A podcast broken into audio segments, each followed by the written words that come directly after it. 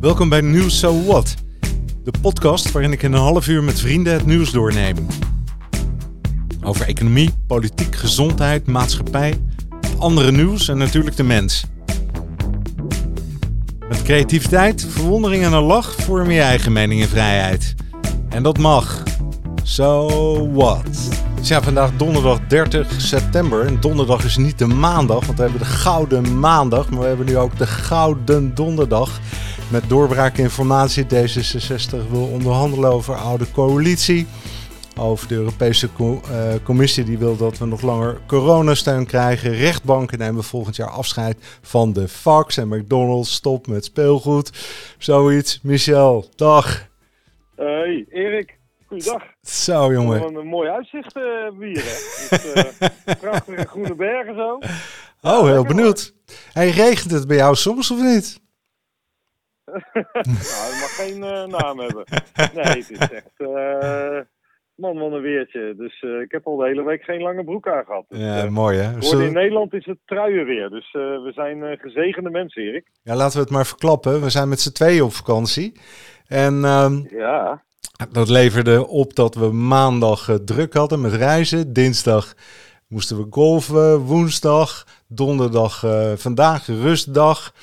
En we hadden bijna gesteld, laten we nog maar een dagje uitstellen. Hè? Maar ja, alle luisteraars, allemaal verdriet natuurlijk. Klachten te over. Hè, waar is de podcast en terecht ook. Hè? Maar wij zijn toch wel de meest trouwe, hè? Met z'n tweeën. Dat we Zeker. iedere En dag... Erik, de timing, de timing was natuurlijk perfect nu. Want we hadden natuurlijk nu vandaag breaking news. Zo eh, is van dat. eh, onze dame Kaag. En eh, die hadden we anders natuurlijk niet gehad. En vet eroverheen ook nog meneer Remkes. Dus eh, die gaan we even meenemen in het bericht over Kaag. Zo, laten we daar maar mee beginnen. Wat is je opgevallen Ja. deze week? Kaag. Of, Ja, nou, ja, maar eigenlijk valt er niet zoveel op. Wat ons wel opviel is dat ze, qua, eh, als je ze blind hoort, dan zou het net eh, koningin Beatrix kunnen zijn. Hè? Dus een beetje, ze probeert nu al voor koningin te spelen, dat, dat qua toontje en zo. Ja. Maar qua inhoud was het natuurlijk weer helemaal niks nieuws. Ik denk, dit verhaal had je dus een maand na de verkiezingen, had je dit ook kunnen vertellen. Daar hoef je geen zes maanden op te wachten. nee, en Dus ook in eh, drie zinnen. inhoud- ja, Ja, want was, wat, Ja. wat waren de zinnen dan geweest? Dan zeg ik van, eh, nou, eh, het is niet gelukt. We komen niet tot elkaar. En we gaan nu proberen om inhoudelijk wat te doen. Ja, nou, dus dat, ik vind hem als boodschap natuurlijk beho- behoorlijk mager. Hè, en ze heeft voor creativiteit krijgt ze een 1. Hè, want ze heeft ook onze podcast niet goed geluisterd hè, vorige week. Want wij hebben natuurlijk qua creativiteit zitten wij vele malen hoger hoe je dit land zou kunnen redden. Ja, Hè, met creatieve constructies, met omzicht en Abu Talib. Daar komen ze allemaal niet mee. Ik, Oos Remkes vond ik creatiever vandaag. Want kijk, Kaag heeft natuurlijk in dat bericht, nu hebben ze gezegd, nou laten we dan toch met de oude formatie, met die vier partijen die al geregeerd hebben, laten we kijken of we verder kunnen regeren. Maar eh, Remkes die kwam gelijk met een aanvulling. Eh, dat ook wel weer grappig, hè? Dat Kaag dan als eerste met dit bericht gaat komen, alsof zij de woordvoerster is of zo, hè? Ik, ik vind dat raar. Want dat is Remkes afgesproken eh, werk, hè? Zo, of niet? Denk je niet? Nou, ik, toen zij zichzelf terugtrok als minister, was dat ook geen afgesproken werk met het CDA en Ank Bijleveld. Die heeft ze toen ook eh, verrast. Dus ik heb het eerder het idee dat ze af en toe een beetje spelletjes spelen. Hmm. Dus, maar het leuke van eh Remkes' voorstel vond ik dat hij zei van... We we willen eigenlijk een, eh, een, een klein inhoudelijk regeerakkoord maken. Dat is overigens al van het allereerste advies van de allereerste informateur. Cenk Willink was dat al drie weken na de verkiezingen. Dus ik vind we hebben best ervaren, wijze mensen die dat roepen. Alleen de huidige politieke leiders die eh, scoren niet zo hoog op intelligentie. Maar goed, Remkes zegt dan, ehm, en eh, zorg dan dat je een aantal partijen, en hij noemt een heel rijtje. Hij noemt GroenLinks, PvdA, hij noemt ook Volt. Ja, hij noemt zelfs nog de lijst De Haan. Die had ik even gemist. Ja. Dus die die allemaal wil betrekken, die mogelijk ook eh, be- bestuurders kunnen gaan leveren in de regering. Dus ik, eh, ik ben een beetje los, Erik, wat nou eigenlijk het idee is. Want dat heb ik Kaag helemaal niet horen zeggen. Nee, ik ben ook los. En ook omdat ze zei, nieuwe verkiezingen, ja, daar weten we de uitkomst niet van. Ik denk, ja, nou, dat, dat begrijp ik ook weer. Maar ik denk ook dat ze een beetje bang is dat dat ze op de tafel staat te dansen en er misschien doorheen zakt. Net zoals de eerste keer. Dat ze gewoon weer vijf zetels inlevert. Zou me niet verbazen. Want ik kan me niet voorstellen, jij, noem, jij, noemde al uh, dat het net was alsof je koningin Beatrix hoorde. Um, en dat ze zich dat aanmeet. Maar ik, zie, ik, vind, ik vind D66 helemaal niet dat profiel hebben. Hè, van, van een soort koninklijke uh, zaak. Het is een progressieve partij. Tenminste, dat zeggen ze altijd. Of niet? Of hoe schaal jij ze in? Waarin? In welke... Nou, ik vind ze eigenlijk steeds minder eigen gezicht hebben gekregen. Want vroeger was het natuurlijk uh, hè, vaak de vierde partij. Hè, in de tijd dat, dat PvdA, CDA en VVD de top drie waren. Hè. Zij bungelden daar net. Hè, ze hadden net geen uh, medaille bij de verkiezingen. Maar ze hadden dan wel heel erg uitgesproken standpunten. Hè, als een gekozen burgemeester, dat referendum. Heel erg voor een soort uh, ver doorvoeren van de democratie. Waar ook zeker niet koningsgezind. Hè, vonden, maar daarin raakten ze ook wel een aantal mensen. Waar principiële standpunten. Die hebben ze allemaal eigenlijk hebben ze die verlaten de afgelopen jaren. Het is een beetje middle of the road partij geworden. Ik vind het verschil met CDA en VVD heel erg klein geworden. Ja, het referendum hebben ze afgeschaft, hè? Waar ze, ja. waar ze voor schaffen ze als eerste af. Nou, ik begrijp dat gewoon niet. Ik begreep het ook niet. Misschien begrijp ik het nu. Want dat komt helemaal niet van pas, een referendum. Want uh, als je Kaag hoort, dan denk ik dat ze denkt dat ze het beter weet. Dus waarom zou ze dan een andere raadplegen? En de tweede, dat is die gekozen burgemeester. Nou, die hebben ze zelf ook om zeep geholpen. dus inderdaad, wat blijft er nog van het profiel over? Het is alleen, ja, wat ik hoor, bestuurlijke vernieuwing. Nou, dat heb ik ook nog niet gezien. Buiten dan dat ze aftreedt. En klimaat. Maar ja, dat is van GroenLinks. dus wat, wat is de identiteit nog van, van D66, inderdaad? ik, ik zou het interessant vinden, Erik, om nog weer eens een keer met Hans van Mierlo en Jan Terlouw in gesprek te gaan. Uh, uh, hoe zij daar nu vandaag de dag naar kijken. Want zij waren toch uit van een andere tijd. Dat, dat D66 een heel eigen geluid had. Vond ik altijd sympathiek. Het was ook de partij van, de, van het opleiden van mensen. investeren in onderwijs. Nou, uh, dat is ook een beetje natuurlijk in het beleid allemaal weggegaan de afgelopen jaren. Dus ik, ja, ik vind ze heel erg uitwisselbaar met de VVD. En een van, het is een beetje een scheitenbroekerige actie van Kaag. Want zij zegt ook als argument: ja, als we nu verkiezingen gaan hebben, dan zouden we de uh, populistische partijen wel weer eens in de kaart kunnen spelen. En dat zie je natuurlijk ook in die peilingen. Hè, dat ook een Wilders en een Baudet, maar zeker ook uh, lijst omzicht, maar ook de boerenburgerbeweging, die zal ze ook wel populistisch vinden. Ja, die, hè, die zouden flink winnen. Hè? En partijen als het CDA, die nu nog 14 zetels hebben, die zouden de laatste peilingen er vijf hebben. Nou, D66 zal ook praktisch wel gehalveerd kunnen worden als het even tegen zit. Dus ja. ik denk dat ze daarom denken van laten we maar eieren voor ons geld kiezen en laten we toch maar gaan formeren.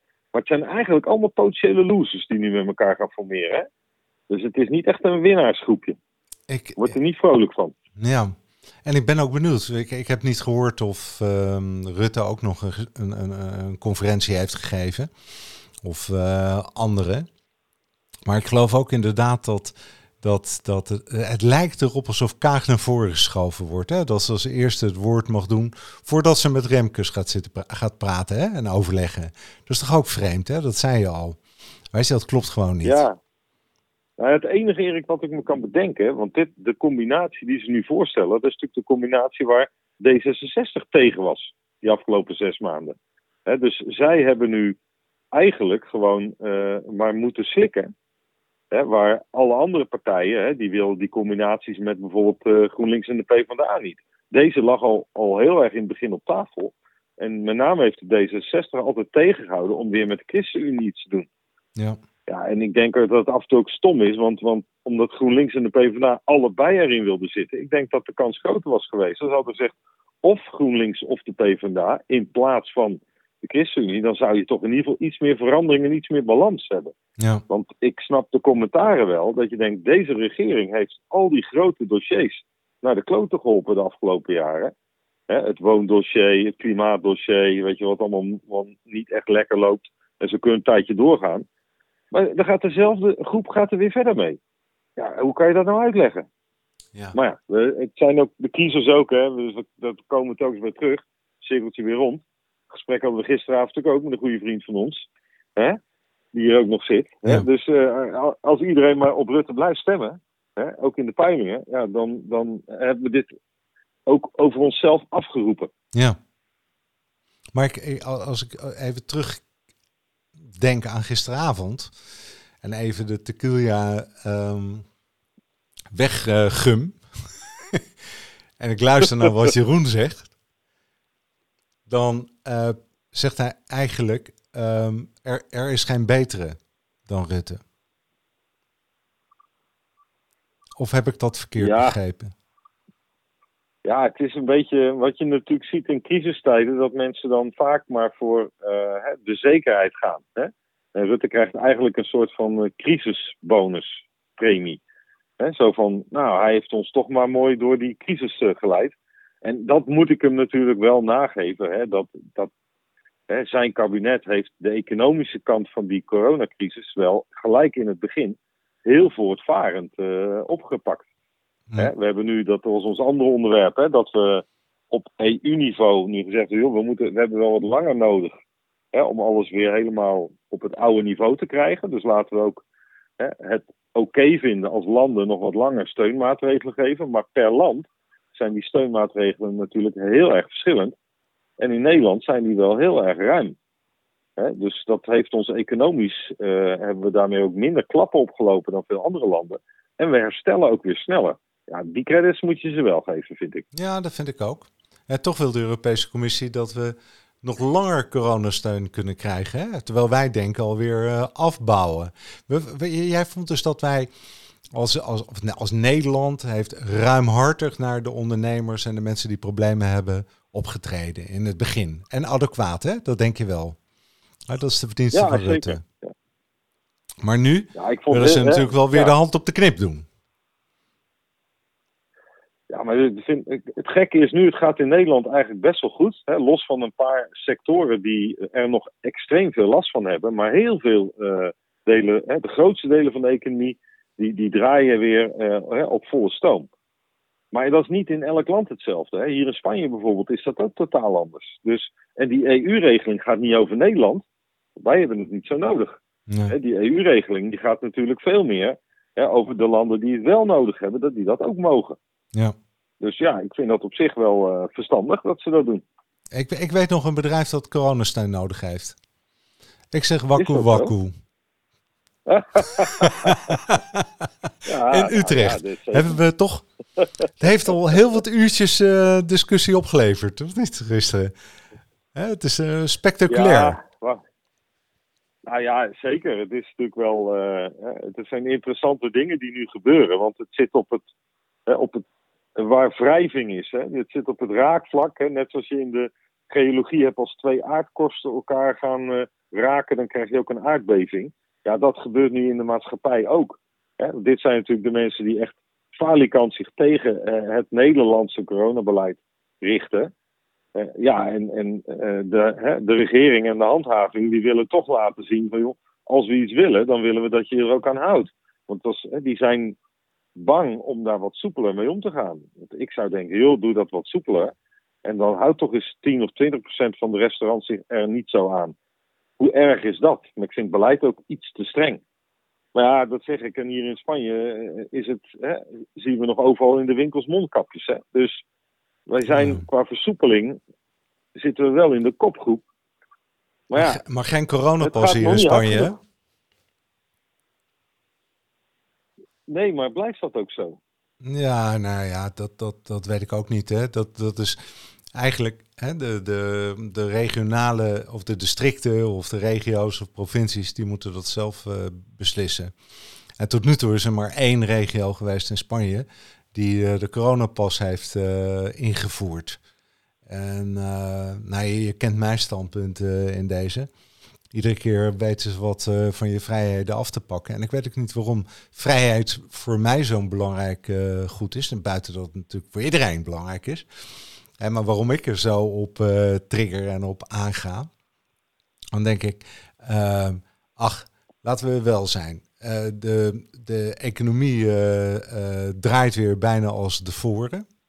Hè, buiten een paar bedrijfstakken na die extra support nodig hebben.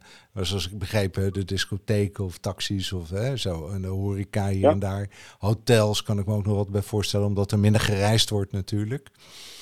Hè, maar ja. uh, het aantal IC-bedden, wat, wat, waar, de, waar de bezettingsgraad eigenlijk als een heel objectief middel is gebruikt altijd om alles te besturen.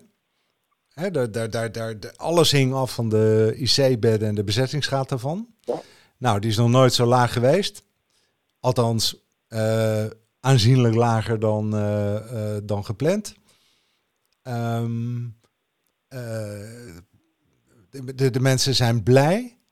Hè, ze, ze voelen de verlichting ook een beetje, hè, bijna onder dat juk vandaan.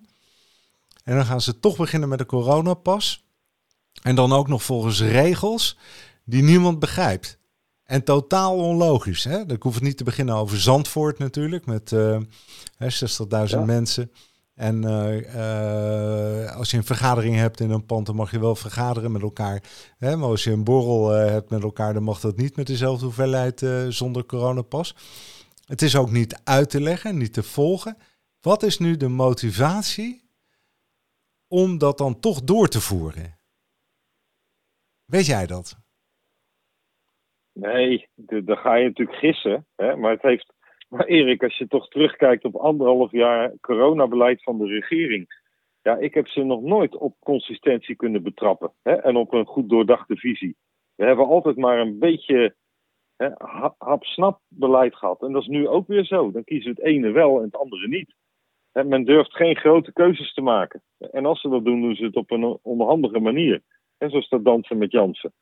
Ja, ik denk ook van, volgens mij kun je die versoepelingen veel verder uh, doorzetten. En kijk hoe Engeland met een Boris Johnson dat inzet. Die, die is daar veel duidelijker in, vind ik. Ja. dus wij zijn daar toch een beetje... Maar misschien is dat hè, die discussie uh, die we hadden over die nieuwe verkiezingen. Ik weet niet of het goed of fout is, maar je zou natuurlijk als je heel snel nieuwe verkiezingen doet, dan kun je wel zeggen van, hè, want dat moet over grote thema's gaan, niet alleen maar over de hele korte termijn. Maar als je dan zegt, ja, maar het vrijheidsthema en het toetsen van het regeringsbeleid, Hè? Want nu hebben we dat natuurlijk met een rechtszaak. Hè? Proberen we daar vanuit een. Hè, dat een rechter er wat van vindt of dat dit wel of niet kan. Maar misschien is nieuwe verkiezingen ook wel een mooi uh, punt om te kijken van. Als die regeringspartijen hè, nog steeds dit beleid willen doen en verder met elkaar willen regeren, dan zou ik zeggen, nou, laten we dan als kiezers maar eens moeten stemmen. Maar dat betekent dat iedereen op de VVD stemt, dus ook voor het coronapaspoort is, hè? Want nou. dat komt daar vandaan, hè? zij zijn de, de hoofdbedenkers van, van dit beleid. Hè? Dat is Rutte. Hè?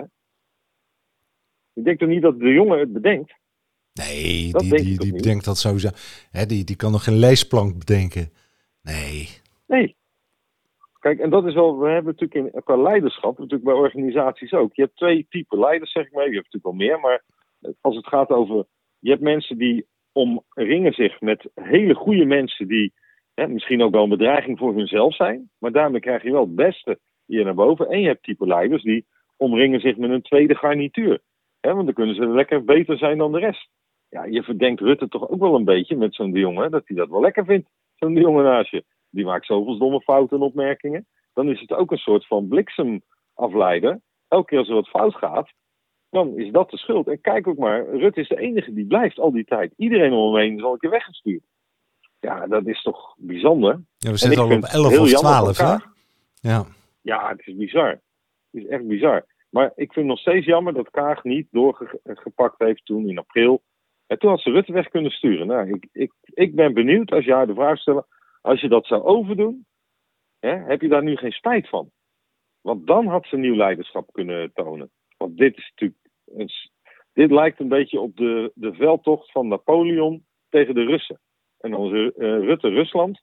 En is Kaag Napoleon. Nou, het wordt een nederlaag voor haar. Ze is nu aan het terugtrekken in die barre Russische winter van, van Rutte. dat, dat, al die soldaten vallen om, dat leger wordt uitgedund. Je komt, ja, dat, uh, die kwam ook van een koude kermis thuis, Napoleon. Nou, Kaag ook, denk ik. Ja, nou, ze zijn allemaal van een koude kermis thuis gekomen die het in Rusland probeerden. Hè? Ze, ja. Ja, ja en boos. was ook niet zo succesvol. Ja, ja. Ja ze, uh, Rutte wordt ook wel het oliemannetje genoemd, geloof ik, hè? Dat, uh, ah, hij loopt over een beetje rondje, een beetje olie erbij. En een beetje lachen. Aardig zijn tegen iedereen. Hup, hier nog een beetje olie. Een beetje smeren. Onderdeeltje vervangen. En die blijft maar doorgaan. Ik snap ook niet, weet je, dat dat... Ik, ik, ik begrijp niet dat als je zoveel klappen krijgt... Ehm, van ministers, van de oppositie... Uh, dat je dat je dat zo langs je af kan laten glijden, dan, dan volgens mij heb je dan ook een persoonlijkheidsstoornis. Dat kan niet anders. Dat is nog niet normaal. Als je nee, nou wat je ziet hier, als je het vergelijkt met heel veel onderzoeken over uh, dictators, hè, bijvoorbeeld ook in al die Afrikaanse landen, die, die vertonen gedrag wat verrassend veel vergelijkenis heeft met uh, Rutte. En dat is natuurlijk wel vervelend, maar we mogen überhaupt niet meer zoveel vergelijkingen maken die gevoelig liggen want als wij Rutte met een uh, Idi Amin of zo gaan vergelijken, is het natuurlijk ook fout. Dan is er vast wel een, ergens een vereniging, misschien ook wel de Joodse vereniging, die vindt dat niet kan. want we mochten de vergelijking ook al niet maken met de coronapaspoort en hoe we met de Joden omgingen in de Tweede Wereldoorlog. Ja. ik vind dat we dat soort vergelijkingen best mogen maken. Dat, ja, om mensen aan het denken te zetten. Ja. Het is. Ehm, ja, dat blijft een, een, een, een, een moeilijk um, uh, onderwerp. Hè? Maar gisteren, ik, ik weet niet, dat is echt die tequila geweest hoor. Want toen dacht ik ook, oh oké, als we de Joden niet, uh, hè, hè, dat traject niet door, mee door kunnen, hè, zonder hè, dat je meteen als een antisemiet uh, wordt beoordeeld. Hè, dan hadden we de Duitsers ook niet kunnen vergeven.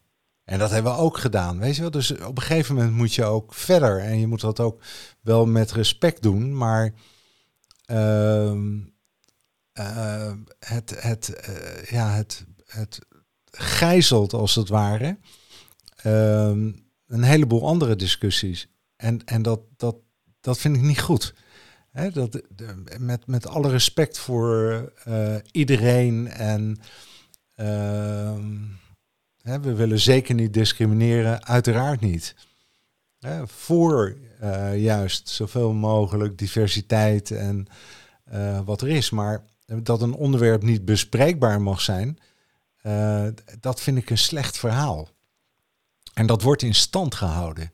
En dat irriteert me eigenlijk nog het meeste. Hoe kijk jij er tegenaan? Ja, weet je, Erik, het is ook met als je dingen als verdriet, hè, bijvoorbeeld overlijden en met hoeveel mensen, is het ook heel lastig om het ene verdriet met het andere soort hè, te vergelijken. Hè, want het is allemaal erg en allemaal anders. En dat heb je natuurlijk ook met die grote genocides hè, overal. Die zijn natuurlijk allemaal erg. Hè, maar eh, iedereen die, hè, die of ergens door omgebracht wordt of ergens ziek wordt, dat is allemaal verdrietig. Weet je wel? Het is geen wedstrijd, daar hebben we sport voor dus ik vind, je moet dat verdriet moet je gewoon laten. Dat moet je ook respecteren. Maar dat moet niet...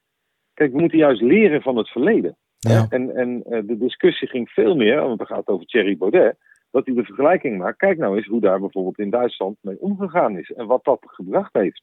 Nou, dat nooit meer. He, dus hoe kunnen we nou voorkomen als we een tijdelijke maatregel willen nemen, bijvoorbeeld met dat coronapaspoort? Jij denkt dat het voor altijd is. Ik denk voor een paar weken, Staat een paar maanden. Ja.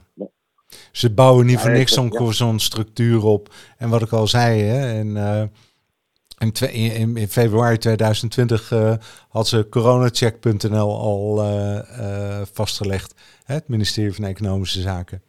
Hè, dus dat is gewoon een jarenlang. En, en er de, de, liggen de plannen in de EU om vanaf 2018 dit in te gaan vullen. En je ziet ook dat, dat of tenminste, je ziet niet, hè, maar de, de richting wordt opgegaan ongeacht hè, of ik het nu, wat ik er precies van vind, hè, maar uiteindelijk gaat het om dat je één idee hebt. En dat is jouw idee, en dat is je belastingnummer, en dat is je bankrekening, en dat is je, je corona, of je ingeënt bent, noem maar op. En de, hè, in plaats van dat we daar als een soort salami-techniek uh, als een soort sjoelbak gebruikt worden, waar iedere keer het volgende stukje naar binnen vliegt, zouden we een keer deze discussie moeten gaan voeren.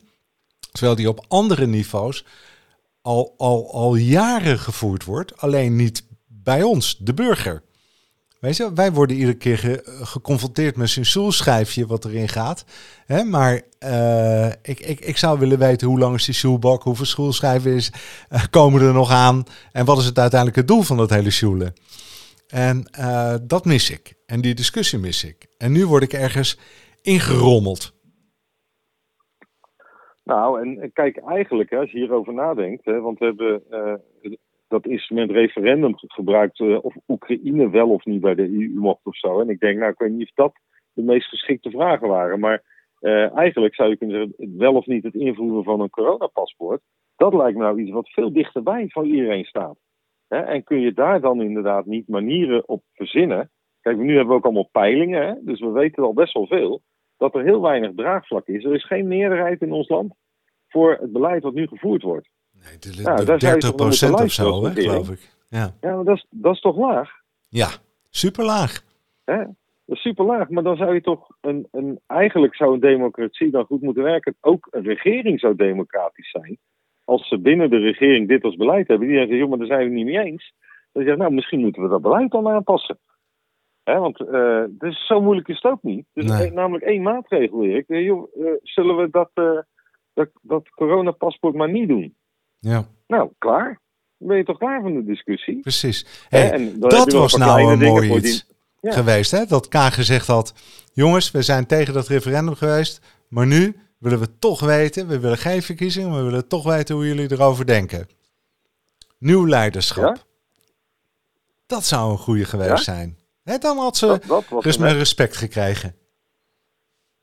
Dus een, uh, weer een bal voor open goal gemist. Hè? Zo is dat. Het is uh, niet echt een goede spits uh, wat nee, dat betreft. Nee, nee. En, en het is toch, hè, regeren is vooruitzien. En even een ander onderwerp. De rechtbanken, hè, die kijken ook vooruit. Want ze gaan volgend jaar de fax afschaffen. Dan al? Zo, ik zeg, snel, regeren hè? is vooruitzien, hè? ik zeg, ja. ja. Hey, maar krijgen ze niet gek, hè? Uh, um, ik denk dat ik er eentje koop. Als ze die, want eh, volgens mij kan ik die zo in het museum zetten. Ja, we gaan thuis ja. zelf een museum, zo'n vitrinekastje maken. Met een fax van de rechtbank. Hoe vind je die?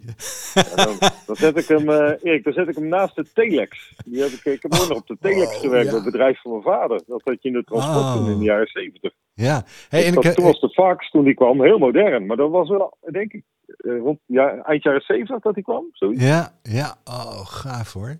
hey, en ik heb nog een koffiemolen. Weet je wat die zo aan de muur hangt, hè? Met zo'n glazen bakje eronder. Weet je, waar je aan moet draaien, dat, dat de koffiebak... Oh, die heb ik ook nog, jongen. Ik denk dat we een heel museum... De oude typemachine. Ja. Die heeft mijn moeder oh. nog. Zo'n oude, dat, uh, die, die tikt nog steeds brieven met de, op de typemachine, want die, die wil niet aan de computer. Oh, dus, ja. dus, dus ik denk, ja, dan, dan, dan voor haar is zelfs de fax nog een beetje te modern. Dus, uh, maar, uh, ja, dus, dus de rechtbank staat niet helemaal bovenaan het uh, conservatieve klassement. Daar staat mijn moeder. Maar ze zijn wel een goede nummer twee. dus. Mooi man. Hey, en en, en, ja. en McDonald's. Die stopt met, met speeltjes. Ja, en wat het leuke van, van dit uh, onderwerp was, Erik, dat het eigenlijk een soort uh, uh, luisteraars-item was. Zoals we de luisteraarsvraag hebben. Die kregen wij. dus dat is misschien een nieuwe trend. Hè, dat onze luisteraars ook gaan zeggen: willen jullie het over dit onderwerp hebben de komende week? Ik vind dat een goede ontwikkeling. Ja. Dus, Die wilde het ja, hebben en, over McDonald's. Amber was dit. Ja, ja, dat is mijn dochter, dat weet je. Dus dat. Ja. En die, ze stoppen met uh, de plastic uh, Happy Meal speeltjes. En nou, die hebben we in het verleden, hè, op die leeftijd, hè, een beetje kleuterschool, begin lagere school. Dan, joh, wij konden, als we ergens geweest waren en er weer zo'n gele M was, kon ik niet voorbij rijden. Dan kreeg ik zoveel discussie. En dan waren die Happy Meals altijd wel populair. Maar ze zijn natuurlijk heel bewust bezig inderdaad om zich veel meer als, als een modern ecologisch bedrijf ook te ontwikkelen. Ja, en dan zijn dit soort dingen uh, inderdaad. Uh, overigens gaat het niet zo snel als bij de rechtbank, hè, want dat is dan pas in 2025 verleden tijd. Oh ja, dus en dan alleen dan, voor dan de rode speeltjes. het nu. ja, dat, dat, hè? Maar goed, in Nederland zijn we nog niet snel. Dan hebben we eind dit jaar al alleen maar duurzaam eh, speelgoed in de kindermenu's. Nou, ik vind dat wel een positieve ontwikkeling. Dat past ook wel. Die jonge generatie is natuurlijk veel bewuster met duurzaamheid bezig hè, dan, eh, dan wij oude lullen. Dus eh, nee, wij niet, hè. wij zijn er ook mee bezig. Maar onze generatie, hè, daar zijn we af en toe nog wel roepen in de woestijn, vind ik. Hè, dat is ook de generatie die op deze regering stemt. Ja. Ik denk als we alleen de stemmen zouden tellen tot 30 jaar, krijgen we een hele andere regering van Nederland. Ja. Ik zou wel een schaduwregering willen hebben van de, hè, de jonge eh, kiezers. Hè, om eens te kijken hoe die een coronabeleid en, en, en duurzaamheid en klimaat zouden invullen. Ja. Ik denk dat ze veel rapper zouden gaan hè, dan, eh, dan de oude lullen. En dat is ook omdat Den Haag natuurlijk heel erg in stand gehouden wordt. Al die lobbygroepjes en die belangen. Hè, daarom eh, gaan ze alles vertragen. Nou, ik vind McDonald's zit nu weer in het eh linker rijtje, het goede rijtje, vind ik, van, eh, met dit soort initiatieven. Ik ben er blij mee. Het is dan toch een heel commercieel traject om zoiets af te schaffen. Hè? Dus blijkbaar is die marketing met zo'n speeltje werkt fantastisch. Hè? Want anders zouden ze er Ja. niet tot 2025 over doen. En als het een kostenpost was, hadden ze hem gisteren al afgeschaft. Hè? Dus blijkbaar werkt het wel heel goed. Hè? Dat is toch ook bijzonder. Maar ze kunnen dus geen duurzaam speeltje verzinnen. Dat begrijp ik ook niet trouwens. Nee, jawel, we gaan zo doen. De, het bericht was, in Nederland zien we eind dit jaar al duurzaam speelgoed in de kindermenu's. dus ze Ah, gaan niet speelgoed afschaffen, Oh, dat dacht ik, joh.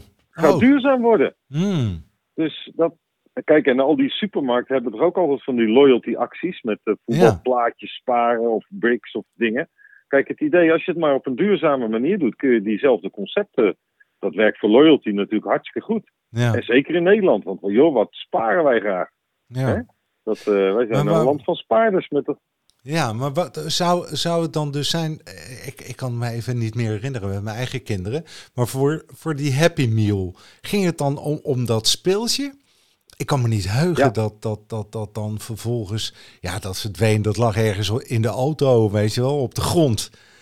Hè? En om vervolgens weggegooid te worden. Maar ik kan me niet meer herinneren dat, dat, dat er ook echt mee gespeeld werd.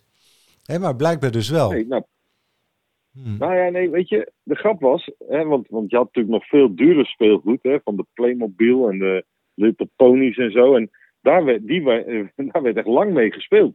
Eh, Dus duurzaam als er lang mee spelen, dan was dat duurzaam speelgoed. Maar die Happy Meal dingen, dat triggerde wel. Die zaten dan in elkaar. eh, Dat waren een soort kleine eh, knutselpakketjes. Dus dan moest je altijd een beetje in elkaar doen. Had je een raar outfitje of dingetje. Ja, en dat was dan eh, na ongeveer vijf minuten had je dat gedaan. En dan was het de lol weer voorbij. En net als je je hamburger op had, was het speelgoed ook alweer eh, geweest. Dus, dus het was een hele korte interessemoment. Maar wel, ze waren toch benieuwd naar de verrassing.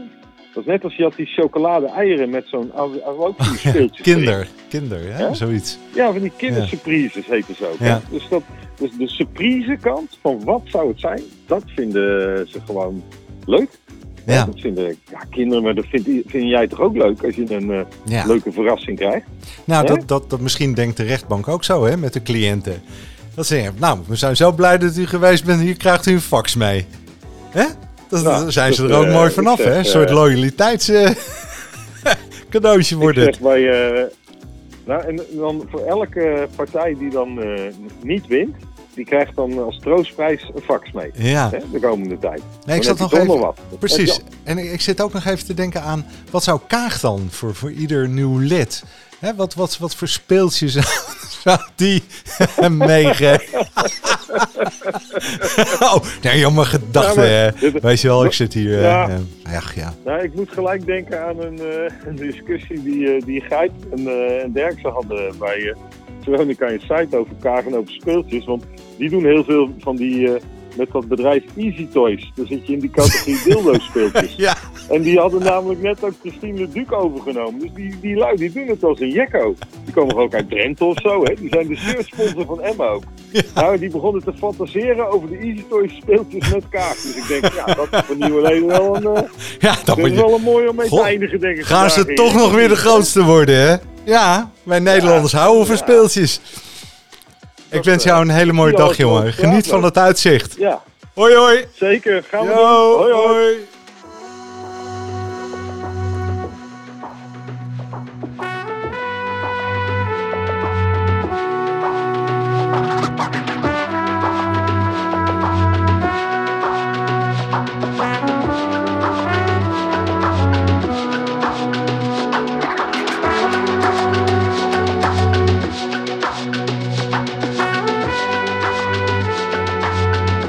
Zo zie je dat op 30 september het niet de maandag is, maar wel de donderdag. Maar dat hij weer helemaal goud was.